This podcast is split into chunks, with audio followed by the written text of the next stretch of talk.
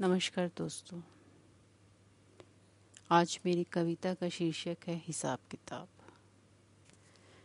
मुझे ऐसा लगता है कि कहीं ना कहीं हमसे कुछ छूट जाता है अपने जीवन सफ़र में, जिसका हिसाब किताब हमें चुकाना पड़ता है।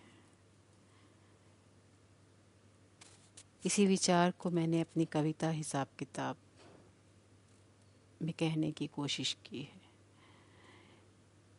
गली के मोड़ पर, गली के मोड़ पर अक्सर बैठी बुढ़िया माँ।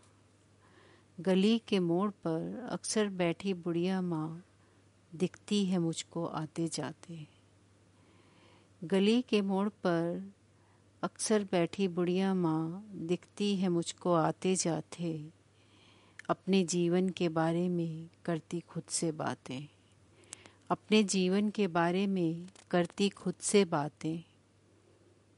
उन्हें देख लगता मुझको। उन्हें देख लगता मुझको, क्या कोई नहीं है इनका अपना? उन्हें देख लगता मुझको, क्या कोई नहीं है इनका अपना? कुछ पल जो गुजारे साथ उनके, कुछ पल जो गुजारे साथ उनके, खोल डाला सब हाल दिल का। कुछ पल जो गुजारे साथ उनके, खोल डाला सब हाल दिल का। घर बार खेत खलियान, घर बार खेत खलियान लुट गया सब अपनों के हाथ। पाला जिनको लाट प्यार से। पाला जिनको लाड प्यार से वह ना रख सके मुझे अपने साथ।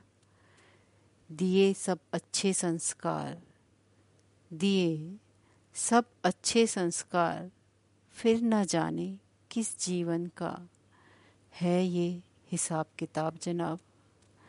फिर न जाने किस जीवन का है ये हिसाब किताब जनाब। हाथ पकड़ा उनका मैंने। हाथ पकड़ा उनका मैंने, पहुँचा दिया उन्हें वृद्धाम। हाथ पकड़ उनका मैंने, पहुँचा दिया उन्हें वृद्धाम।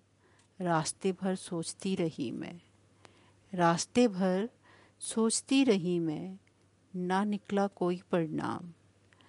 कहीं चूक होती है हमसे, कहीं चूक होती है हमसे, ऐसा मेरा है विश्वास। कहीं चूक होती है हमसे। ऐसा मेरा है विश्वास।